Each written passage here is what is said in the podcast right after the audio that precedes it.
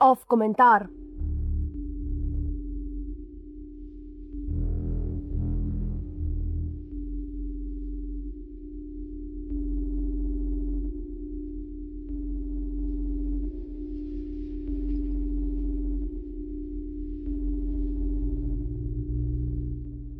Po gospodarski in monetarni še prehranska kriza.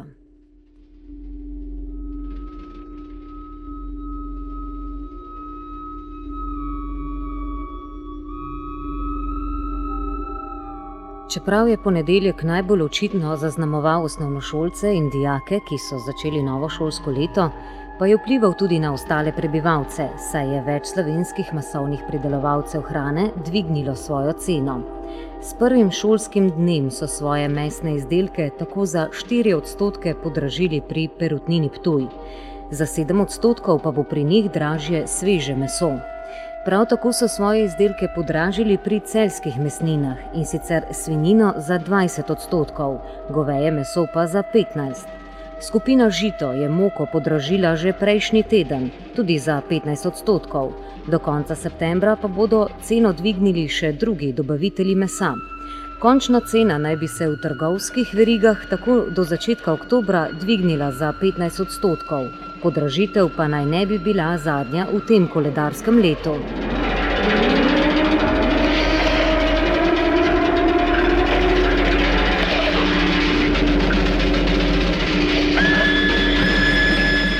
Razlog za dvig cene mesa in mesnih izdelkov je dvig cene žitaric, kot sta koruza in pšenica ter soja, zaradi letošnje suše v Združenih državah Amerike in Rusiji ter zaradi šipkejših monsunskih padavin v Aziji. Po besedah predsednika uprave Perutnine Ptuj Romana Glasarja se je cena soje dvignila z 330 evrov, kolikor je bila v začetku leta vredna ena tona, na 600 evrov danes. V Sloveniji smo sicer od uvoza soje odvisni v celoti, uvožena pa je tudi približno polovica porabljenega žita, kar nas dela veliko bolj odvisne od svetovnih trendov.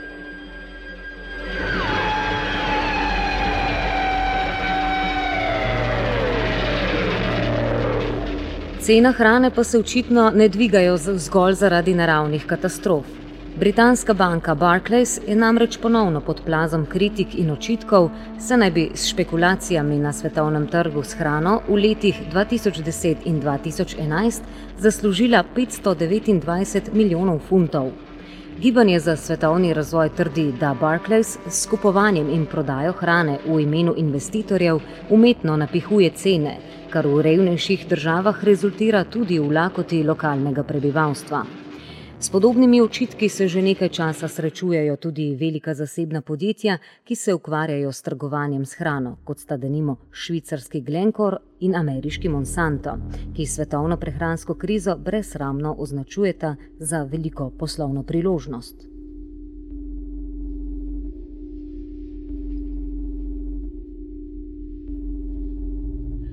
Zaradi višje cene hrane se sicer že več kot 18 milijonov ljudi v Sahelu spopada z resnim pomankanjem hrane.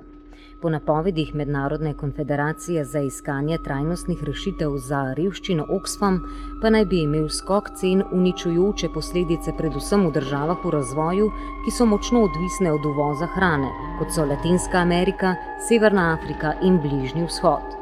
Trgovska podjetja, kot sta prej omenjena Glencore in Monsanto, pa po njihovem mnenju ustvarjajo dobiček iz bede in trpljenja revnih ljudi, ki so najbolj prizadeti zaradi visokih in nestanovitnih cen hrane.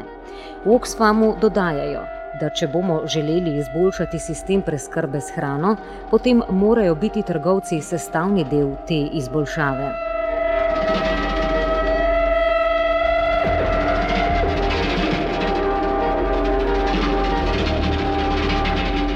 In če se vrnemo nazaj na rodno grudo, tudi tukaj trgovci niso nedolžni. Agrarni ekonomisti so namreč v okviru raziskovalnega programa Konkurenčnost Slovenije 2006-2013 izvedli analizo oskrbe živili na slovenskem trgu in ugotovili, da so bile v letu 2009 marže slovenskih trgovcev v povprečju za 30 odstotkov više, kot je povprečje v Evropski uniji.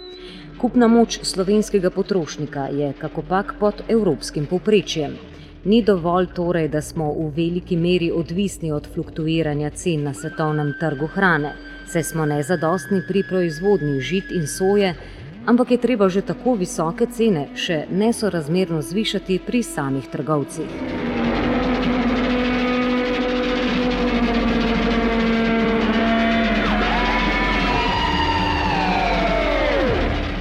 V Sloveniji smo priča trendu nižanja plač, usiljenega vrčevanja in posledično vedno manjše kupne moči. Cene osnovnih življenjskih potrebščin pa se evidentno višajo iz dneva v dan. Večinsko sicer ne umiramo od lakote, kakor v podsaharski Afriki, a dejstvo je, da ljudje jedo manj kot so včasih, predvsem pa cenejšo in posledično slabšo hrano. Morda je ponedeljek na vzven sicer bolj zaznamovala euforija prvega šolskega dne, vendar pa pričujoče rasti cen hrane najbolj prizadanejo ravno družine s šoloobveznimi otroki. Najbrž ob takšnih novicah marsikateri starš slabše spi.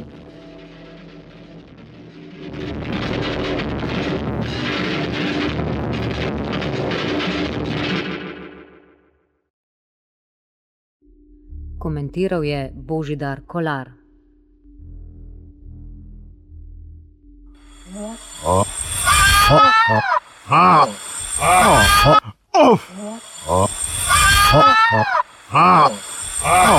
Off komentar.